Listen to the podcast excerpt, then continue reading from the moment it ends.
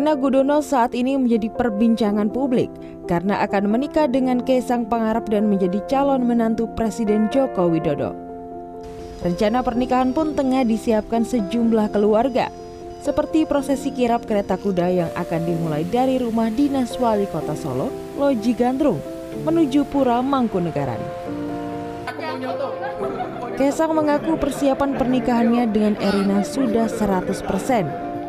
Dan 100 persen. 100 persen. Yang di Solo jadinya di mana mas? Ya, Lokasinya? ya nanti lah tahu. Minggu depan, minggu depan diumumin semua. Minggu depan berarti diputuskan ya? Harusnya. ya. Ya. Kalau bapak nggak sibuk, saya kan kalau mau ngapa-apa ngelihat jadwalnya bapak. Kaisang Pangarep pria kelahiran Solo 25 Desember 1994 ini merupakan anak bungsu dari tiga bersaudara dan sempat menempuh pendidikan di Singapore University of Social Sciences di jurusan pemasaran dengan konsentrasi bidang komunikasi. Ia berhasil menjadi pengusaha muda mulai dari kuliner hingga direktur utama klub sepak bola Persis Solo. Sementara sosok Erina Gudono mempunyai segudang prestasi.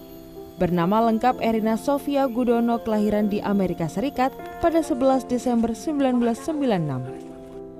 Erina Gudono merupakan anak ketiga dari empat bersaudara dari pasangan Profesor Gudono dan Sofia Tun Gudono. Sang ayah lahir di Semarang dan sempat menjadi guru besar ekonomi dan bisnis di Universitas Gajah Mada.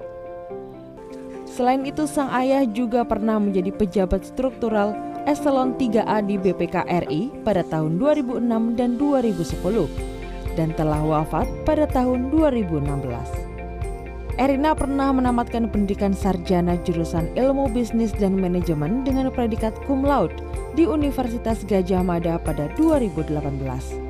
Kemudian Erina mendapat kesempatan untuk melanjutkan S2 di Columbia University jurusan Administrasi Publik melalui beasiswa LPDP sejak tahun 2021.